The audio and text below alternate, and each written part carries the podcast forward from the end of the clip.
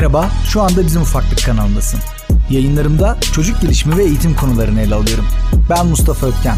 Öğretmen, yönetici ve şirket kurucusu olduktan sonra Mira ile dünyayı yeniden keşfediyor, tecrübelerimi seninle paylaşıyorum.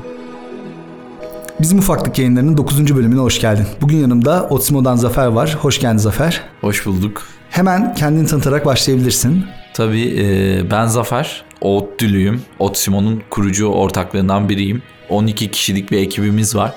Otsimo'yu yapıyoruz. Kendimle alakalı da 24 yaşındayım. Ashoka Fellow'uyum. En genç Ashoka Fellow olmuştum. O da sosyal girişimcilikte verilen bir fellowship aslında. Onun dışında da işte günümü çocuklar için bir şeyler yaparak onlar için mobil eğitim uygulamaları geliştirerek geçiriyorum. Otsimo'dan da biraz bahsedebilir misin? Ee, tabii Otsimo özel eğitime ihtiyaç duyan otizm, Down sendromu, öğrenme bozukluğu gibi alanlarda ki çocuklar için özel olarak üretilmiş bir özel eğitim uygulaması. İçinde yüzden fazla eğitsel materyal var. Bunları oyunlaştırıp sunuyoruz çocuklara. Sanki işte mobil uygulamanın içinden oyun oynarmışçasına özel çocuklara eğitim veriyoruz. 3 senedir yapıyoruz. 100 binden fazla çocuğa ulaştık dünyada. Türkiye'de de 30 binden fazla çocuğa ulaştık. Şimdi de Milli Eğitim Bakanlığı ile beraber içimdeki hazine olarak ismini ayrı bir proje içinde e, hem okullarda hem de herkese ücretsiz ulaştırıyoruz. E, böyle geçiyor. Çok güzel. Peki neden otizm? Otizmle nasıl tanıştın? Benim kardeşim otizmli.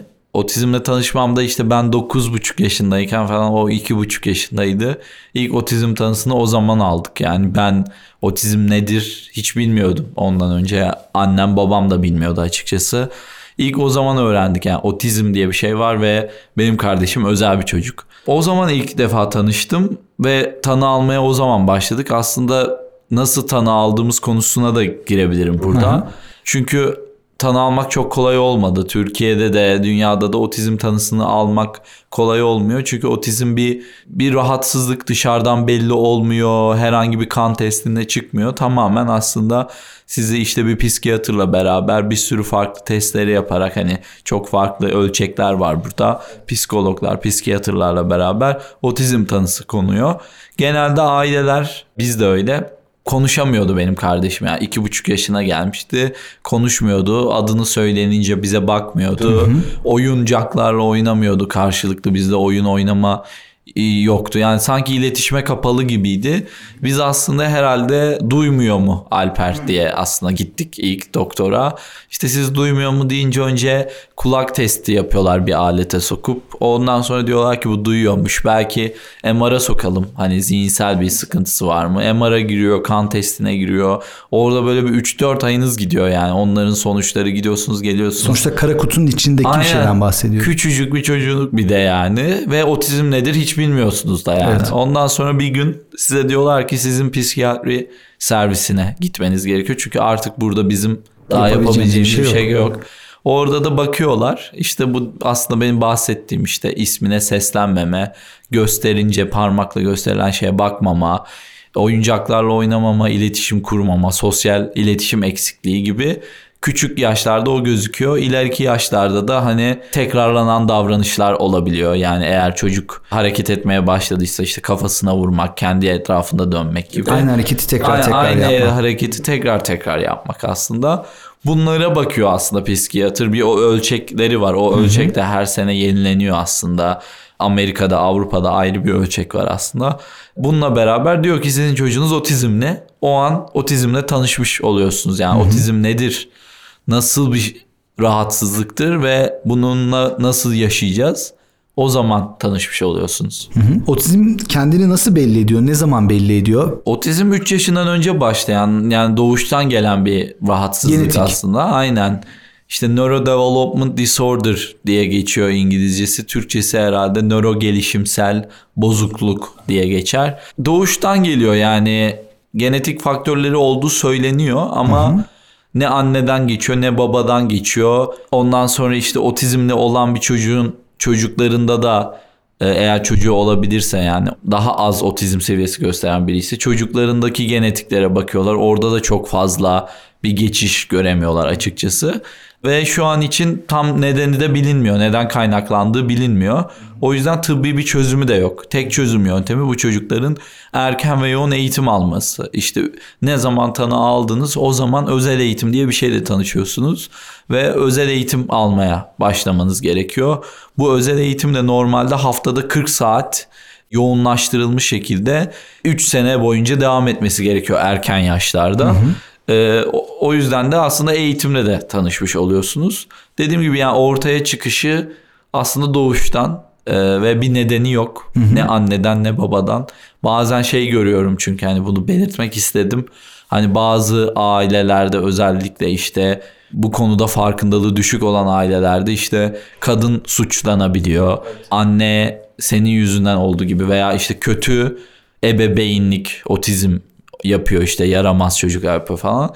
Bunlar bu arada çok konuşuluyor. Hani evet. çok saçma gelebilir kulağa sana da bana da ama aslında öyle bir şey yok yani. Doğuştan geliyor. Neden kaynaklandığı bilinmiyor. Ne anneden ne babadan. Sonuçta bir yerden ortaya çıkan bir rahatsızlık ve yapacağı şey aslında ailelerin kabul etmek ve onunla beraber yaşamayı bu öğrenmek. Yani bu, bu durumla yaşamak ve bu durumu aslında e, hayatın bir parçası yapıp onunla beraber nasıl daha iyiye gidebiliriz? Nasıl çocuğumuzla beraber eğitim alırız?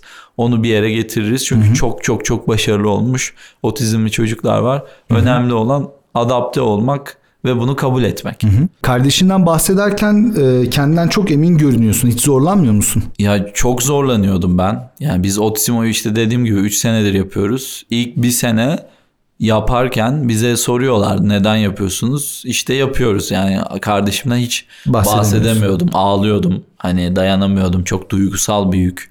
Ee, onun dışında şeyi de düşünüyordum yani hani kabullenmiştim tabii ki. Çünkü Alper o zamanla 10 yaşındaydı.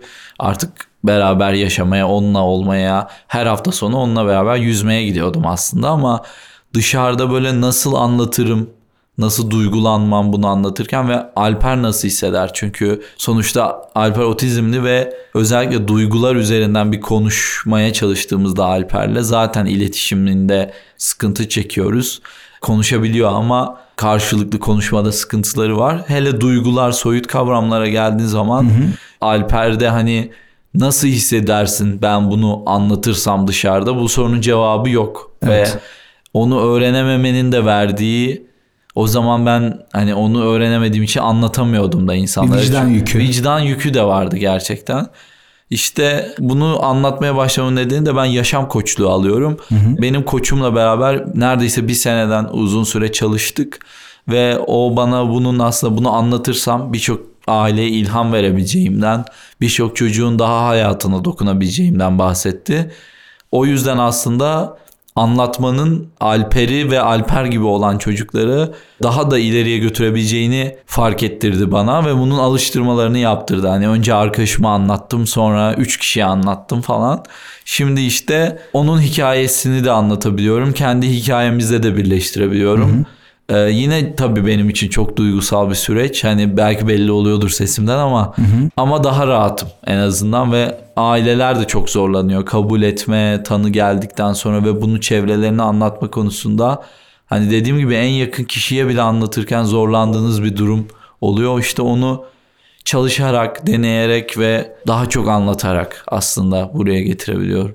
Bunu özellikle sordum çünkü hani aileler özellikle senin gibi hani otizmle ilgili bir şeyler yaparken, bir iş yaparken e, ön planda olan insanlarla karşılaştıklarında onların çok güçlü olduklarını gördüklerinde şey diye düşünüyorlar. Bu güç hani en başından beri varmış gibi ve kendini bu sefer çok güçsüz zannediyorlar. Bu sefer işte bu sebepten de az önce söylediğin gibi işte çocuğu e, çocuğu izole ediyorlar. Ondan sonra e, toplum karşısına çıkartmıyorlar, saklıyorlar veya kendileri bu konuyla ilgili hiçbir şekilde konuşmuyorlar. Hiçbir şekilde destek almaya bile yanaşmıyorlar.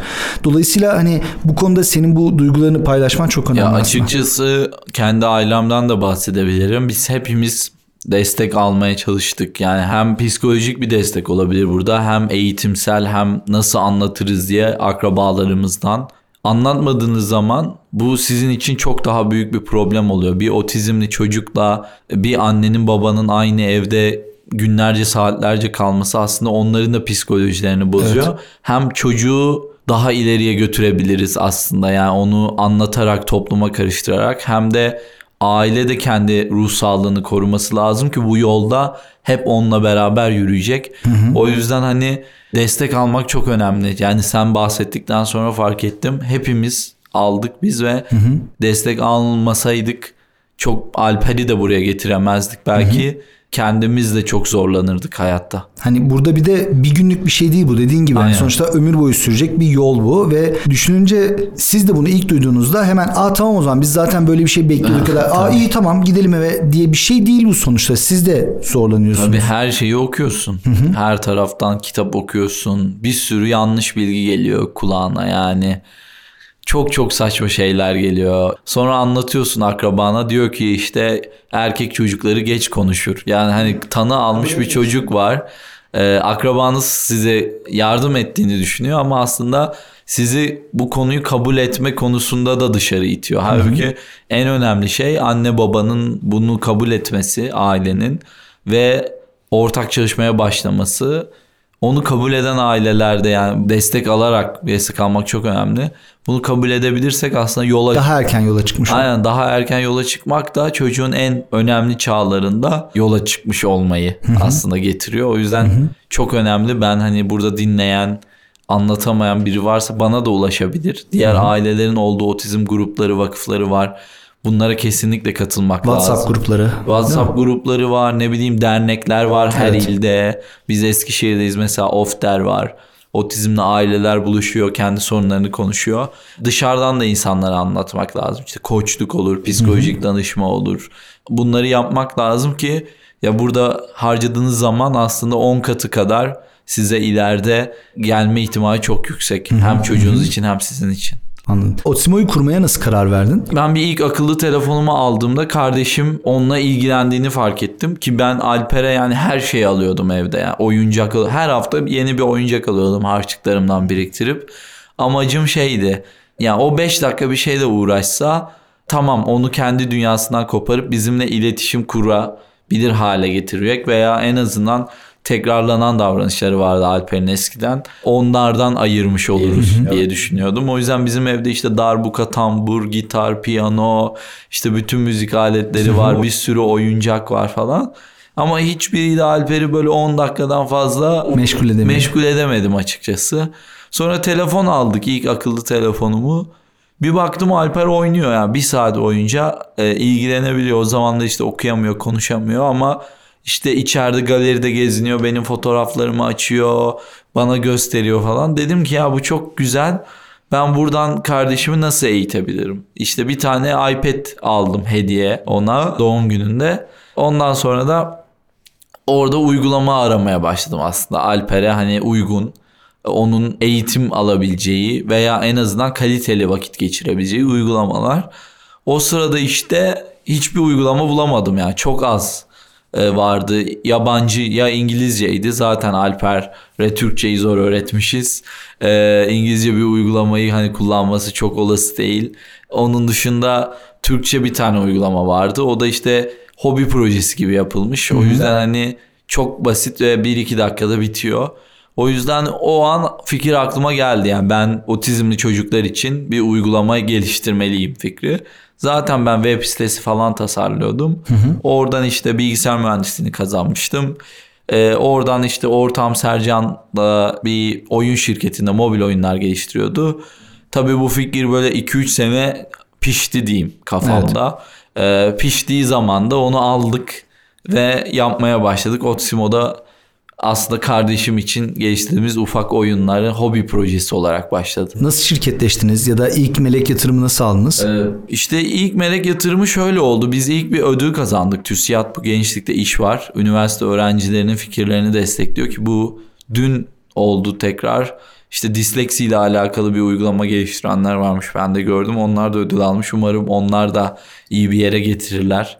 Uygulamayı. Biz o ödülle beraber ilk yaptığımızda Alper'in öğretmenleri çok beğendi. Alper öğrendi bir şeyler uygulamadan. Özellikle işte e, renkleri, şekilleri falan o şekilde öğrettik. Çizim alıştırmaları falan yaptırmaya başladık. Ondan sonra hem oradan bir istek var hem bir ödül kazandık. Dedik ki ya biz bunu yapalım ve yapmaya başladık. Sonra da ilk melek yatırımı o ödülden 3-4 ay sonra Galata iş meleklerinden aldık. Oradaki bütün yatırımcılar da dedik yani daha bir iş modeli yok ama ya biz bu işe 50 bin dolar para koyarsak bir tane çocuğun bile hayatı değişirse biz Anlamlı zaten bir. aynen biz zaten işte yatırımımızın karşılığını almış oluruz. Yani hani tamamen bu şekilde ve bir etki yatırımı yaptılar aslında. Çok çok çok tohum bile denemeyecek. Ön tohum, melek yatırım, etki yatırımı yaptılar bize ve uygulamaya ilk inanan insanlar da oldular aynı zamanda. Yani hem, hem onlardan öğrendiğimiz çok şey var hem de aslında birinin inanıyor olması size daha da güzel hissettiriyor. O gün görüştüğünüz gruptaki herkes, Herkes, katıldı. aynen, mi? herkes katıldı. Yani 20 kişi, 20'si de dedi ki biz bu işi desteklemek istiyoruz ki sonradan biz bir iş modeli ortaya çıkardığımızda da çok büyük bir katılım tekrar aldık. Çünkü içeride hem bunun çok fazla çocuğun hayatına dokunduğunu görenler oldu hem de sonuçta artık bir iş girişim gibi de büyüdüğünü görenler oldu. O yüzden çok doğru yatırımcılarla çok doğru zamanda tanışmışız diyorum ben. Aslında şey diyecektim. Otimo'ya kadar neden bu konuyla ilgili bir uygulama yoktu? Sen dedin ki az önce hani birkaç tane denedik aslında. Ya işte ya yabancıydı. Yabancı olanlar çok pahalıydı. Çok az yapılıyor. Onun dışında Türkçe'de de Tohum Vakfı bir tane uygulama çıkarmıştı Tohum 1. O da işte genelde bu uygulamaları yapanlar hep vakıflar oluyor. Vakıflar bunları fonlarla, projelerle yapıyor veya akademisyenler olmuş. Akademisyenler de uygulamayı hiç yayınlamamışlar. Yani biz ilk otizmo yapmaya başlarken aslında akademide bir sürü iPad'le otizm eğitimiyle alakalı makale vardı. Onları temel alarak yapmaya başladık. Oradaki uygulamalar pazarda yok. Yani kullanamıyorsunuz kardeşinizle. E var olan vakıfların yaptığı uygulamalarda bir fonla yapılmış. Ya güncelleme gelmiyor ya bozuk çalışıyor. Yani nasıl bir okul öğretmen, okul müdürü hademesi olmadan hani işte okul binası olmadan hayatını sürdüremiyorsa bir uygulama da işte kendi yazılımcısı, tasarımcısı, psikoloğu olmadan ve ona zaman ayıran bir ekibi olmadan hayatını sürdüremiyor. Öyle olunca uygulamaların kaliteleri çok kötüydü. Devam ettirilmiyordu veya çok ufak uygulamalardı veya hiç pazara çıkmamıştı işte akademideki gibi. Bizim farklı yaptığımız şey şu oldu. Biz bunu sürekli yapacağız. Bir girişim gibi yapacağız. Girişimle aslında sosyal etki yaratmaya çalıştık. O zamanlar biz sosyal girişimcilik kavramını bilmiyorduk. Onu yaptıktan sonra dediler ki ya bu bir sosyal girişim. Siz de sosyal girişimcisiniz. Sosyal bir girişim olarak yapmaya başladık ve etki çok daha büyüdü tabii yani. Üstsel şekilde hem ulaştığımız çocuk sayısı hem oynanan oyun sayısı hem de yaratılan etki büyümüş oldu. Yani sonuçta bu tür bir uygulama hobi olarak yapılacak kadar basit bir şey de değil. Yani Aynen. bunu devamlı sürdürülebilir bir şekilde götürmek gerekiyor. Yani bayağı zor. Teknik açıdan e, zorlanıyoruz gerçekten. Yani bizde 6 6 geliştirici, 3 tasarımcı, 3 kalan işler yani e-mail'lar, push notification'lar, işte içerik oluşturma falan, e, yazılar, işte psikoloğu, ben varım. Hani o kadar büyük bir ekibimiz var. 12-13 kişiyiz. Ve full time. Full değil mi? time çalışıyoruz ve ona rağmen hani hala işte bug fix diyoruz. Belki içeride hataları düzeltiyoruz. Hala Yetişemediğinizi yetişemiyoruz. Aynen yani içerideki içeriği şu an için işte Amerikalıların işte pre-K, kindergarten, Türkçe'de kreş, anaokulu dediğimiz içerikler var bizde. Çünkü erken çocuk öğretimi yani early childhood education yapmaya çalışıyoruz. Ama benim isteğim ya keşke burada birinci sınıf, ikinci sınıf, üçüncü sınıf materyalleri de olsa erken çocuklukla alakalı olamadığımız konular var işte sosyal öyküler. Şimdi kitaplar çıkartmaya çalışıyoruz falan. Daha yani hayalimizde olup gerçekleştiremediğimiz o kadar şey var ki hani çok zor bir şey aslında bir vakfın veya bir yan Birkaç projenin, kişinin. bir hobi projenin bunu bu büyüklüğe getirmesi. Otizmle yaş arasında bir bağlantı, bir bağıntı var mı? Yani 15 yaşındaki bir insanla 30 yaşındaki bir insan aynı seviyede olma ihtimali var mı? Şimdi otizm bir spektrum bozukluğu diye geçiyor. Spektrum ne demek? Aslında bunu bir işte bir gök kuşağı gibi düşünebiliriz. Çocuklar farklı yerlerinde, farklı alanlarda, farklı gelişimler gösterebiliyor. Ne anlatmaya çalışıyorum işte 15 yaşında iki tane otizmli çocuk aynı otizm oranına sahip olabilir ama birinin iletişim sorunları vardır, öbürünün tekrarlanan davranış sorunları vardır ve oran aynı konulmuştur hastanede. Hı hı. Ama aslında farklı yerdelerdir ve farklı eğitimlere ihtiyaçları vardır. Birinin konuşma terapisine vardır atıyorum. Birinin işte davranışsal terapiye vardır. Veya bilişsel de olabilir. Aynı şey yaşta da yok. Yani fiziksel görünüşleri farklı ama işte 30 yaşındaki bir otizmli bireyin de hı hı. zeka yaşı diyebiliriz yani zeka seviyesi veya bilişsel gelişimi işte 15 yaşındaki bir otizmli çocukla aynı olabilir. O yüzden orada yani yaşa bakmıyoruz biz. Otizm o da özellikle baktığımız şey tabii biz erken çocukluk yapıyoruz yine. Hani maksimum 10-11 yaşına kadar kullanıyorlar uygulamayı diyeyim ama hı hı. E, Otizmo'da da asıl baktığımız şey her çocuk için özel eğitimi nasıl kurgularızdı. Bizde şimdi 100 tane oyun var sistemde. Hı hı. Uygulamayı kullandıkça oyunlar sizin bilişsel durumunuza göre şekillenmeye başlıyor. Diyelim biz bir çocuğun iletişim becerilerinin ileride olduğunu ama işte çizim becerilerinin yani küçük kas gelişiminin geride olduğunu fark edelim.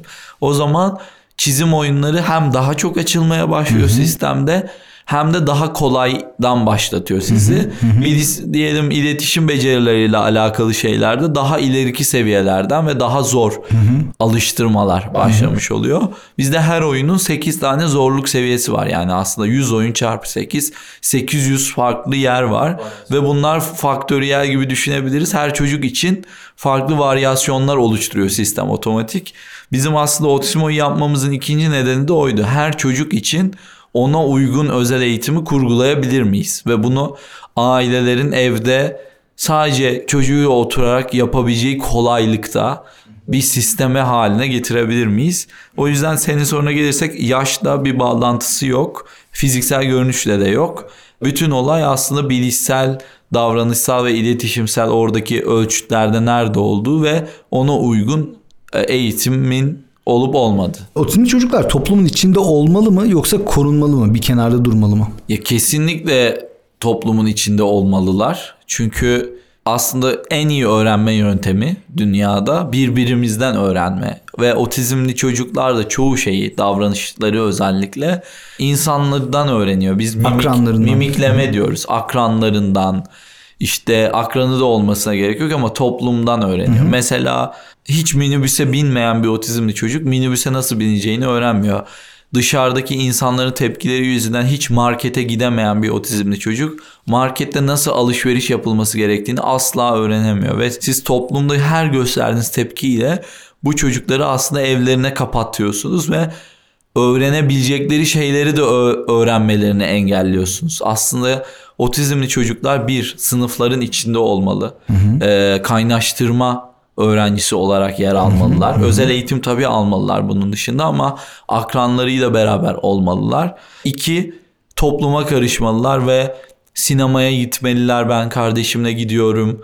AVM'ye gitmeliler, parka gitmeliler, diğer çocuklarla oynamalılar. Buradaki en büyük problem ailelerin tepkileri. Aileler çünkü asıl problem burada çocuklar yine çocuklarla oynuyor ki aileler tepki göstermesi. Ailelerin tüm düşüncesi, eğitim sistemi de öyle Türkiye'de.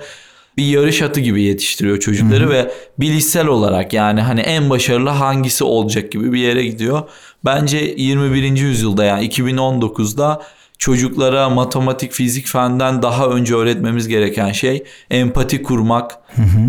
insanları sevmek, engelleri tanımak ve onlara uygun bir dünya yaratabilir insanlar üretmek.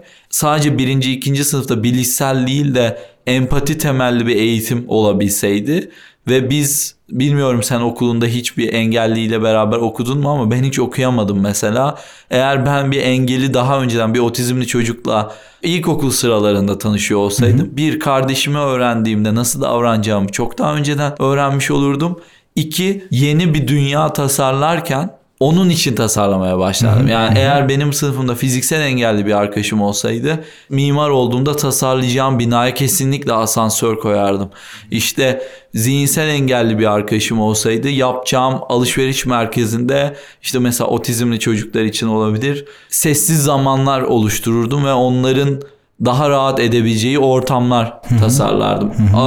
Mesela havalimanı mesela ben yapmak çok istiyorum bu sene uğraşacağım da onunla yeni havalimanı ile birlikte. Havalimanlarında mesela tasarlayan biri olsaydım otizmli çocuklar için sessiz odalar üretip onlar çok çünkü çok gürültü çok kalabalıkta dayanamıyorlar. Çok daha hassas oluyorlar. İşte sessiz ortamlar üretip ailelerin kolayca aslında en temel hakları olan ulaşım haklarını kullanabilmeleri için mekanlar tasarlardım. Dediğim gibi yani burada toplum içine alması gerekiyor. Sadece otizmi değil her rahatsızlığı, her engeli kabul etmesi gerekiyor ve aslında yarış atı olarak yetiştirmek yerine çocuklarını empati temelli yetiştirip çok daha iyi bir dünya tasarlaması gerekiyor. Şu an yaşadığımız dünya zaten hepimiz farkındayızdır. Gitgide öldürüyoruz. Bunun nedeni aslında kar maksimizasyonu en iyinin çıkabileceği şekilde geliştirdiğimiz sistemler. Eğer insanlar empati temelli yetişseydi çok daha farklı bir yerde olurduk diye düşünüyorum. Yani hem dünya olarak hem insanlık adına. O yüzden e, kesinlikle toplumun içinde olmalılar. Şimdi az önce söyledin ya okulda otizmli çocukla okudun mu diye.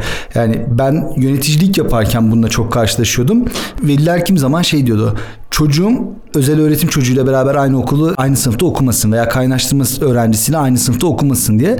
Dolayısıyla aslında veliler söylediğin gibi veliler de bu konuyla ilgili sıkıntı çıkartabiliyor. Aslında çocuklardan ziyade büyüklerde bitiyor. Ya asıl sıkıntı büyüklerde zaten. Bence de. Yani hani Veliler aslında onu yaparak çocuklarına iyi bir şey yaptığını düşünse de sonra çocukları işte bencil, empatik yeteneği düşük bir birey olarak büyüdüğü zaman bu sefer de çıkan farklı problemler yüzünden ahvah yanmalarının Hı-hı. nedeni o aslında. Çünkü siz çocuğunuzu öyle bir şeyle yetiştiriyorsunuz ki sadece başarılı ol.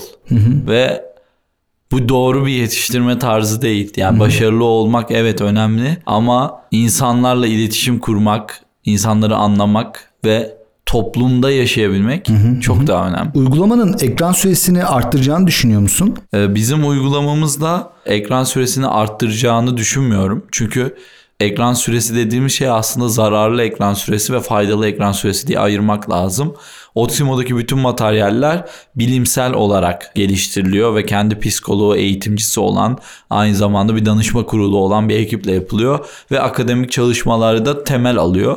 O yüzden bir zaten yararlı bir ekran süresi yaratmış oluyoruz. Hı hı. İki uygulamanın içinde ailelere hedef belirleme ve süre takip etme özelliği sunuyoruz ve aileleri bilgilendiriyoruz. Push notification atarak veya e-mail atarak. Hı hı. Bu sayede aileler hem çocukları ne kadar oynuyor onu görebiliyorlar hem de bunu işte sınırlandırmak isterlerse sınırlandırabiliyorlar. Biz ortalamaya da baktığımızda üyelerimizde de böyle bir ekstrem ekran süresini arttırmadığını görüyoruz kendi verilerimizde. Maksimum bir çocuk 30 dakika 40 dakika oynadığını görüyoruz ortalamada günlük ki bu da iyi bir eğitim süresi olmuş oluyor onlara.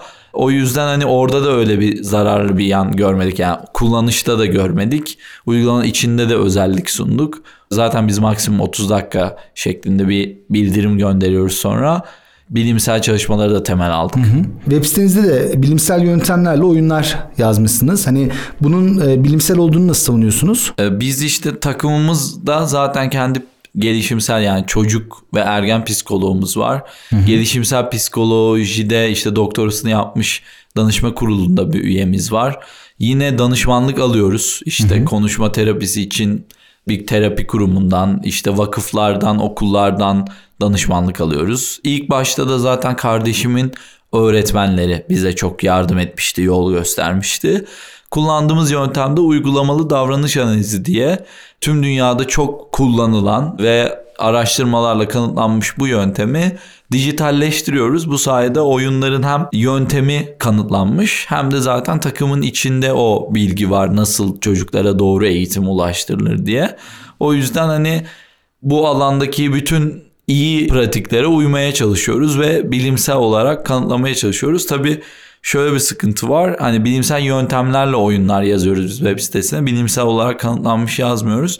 Çünkü otizmde çok fazla eğitim yöntemi var ve bunların hiçbiri tamamen bir çözüm değil yani hani her eğitim metodu farklı çocuklarda farklı başarılar da gösterebiliyor. O yüzden tüm dünyada da şey yok mesela yani bu eğitim metodunu alan çocukların yüzde yüzü otizmde buraya gelmiştir. Böyle bir eğitim metodu olmadığı için bir kanıt, bir sertifikasyon böyle bir mekanizma da yok. Yok. O yüzden hani bizim yaptığımız şey bir eğitim ve onu en doğru kişilerle kurgulayıp en en kullanılan yöntemleri dijitalleştirmeye çalışıyoruz diyebilirim. Otizm dışında diğer özel eğitim ihtiyaçlarıyla ilgili çalışmalarınız olacak mı? Şu an için konuşma terapisi uygulaması çıkardık yeni. Çok ufak bir kesime daha yeni testler yapıyoruz diyeyim. Ve orada işte ilk olarak konuşma terapisini hedef aldık. Orada benim kardeşimin işte uzun süre konuşamaması ve iletişim problemi olmasından aslında yola çıktığımız ve beni taklit ederek ilk konuşmaya başlamasından da ilham aldığımız bir uygulamamız var. Yüzden fazla çocuk videosu çektik. Bunlar farklı kelimeleri konuşuyorlar. Tabii konuşma terapisinde kullanılan kelimeler bunlar. Ve burada işte ağız hareketlerini taklit ederek stickerlar kazanan bir konuşma terapisi uygulaması yaptık. Çok keyifli bir uygulama oldu bence. Önümüzdeki dönemde de işte konuşma terapisinden sonra da özellikle disleksi çok büyük bir problem. Türkiye'de disleksi yüzünden okulu bırakan birçok çocuk var veya potansiyellerini ortaya çıkaramayan ve asla tanı almayan. Biz orada işte özellikle okuma yazma konusunda eğitim yani en azından ufak terapilerle neler yapabiliriz diye disleksi alanına girmeyi düşünüyoruz. Hı hı. Var diğer böyle bütün kapsayıcı eğitim diyoruz biz yaptığımız işe.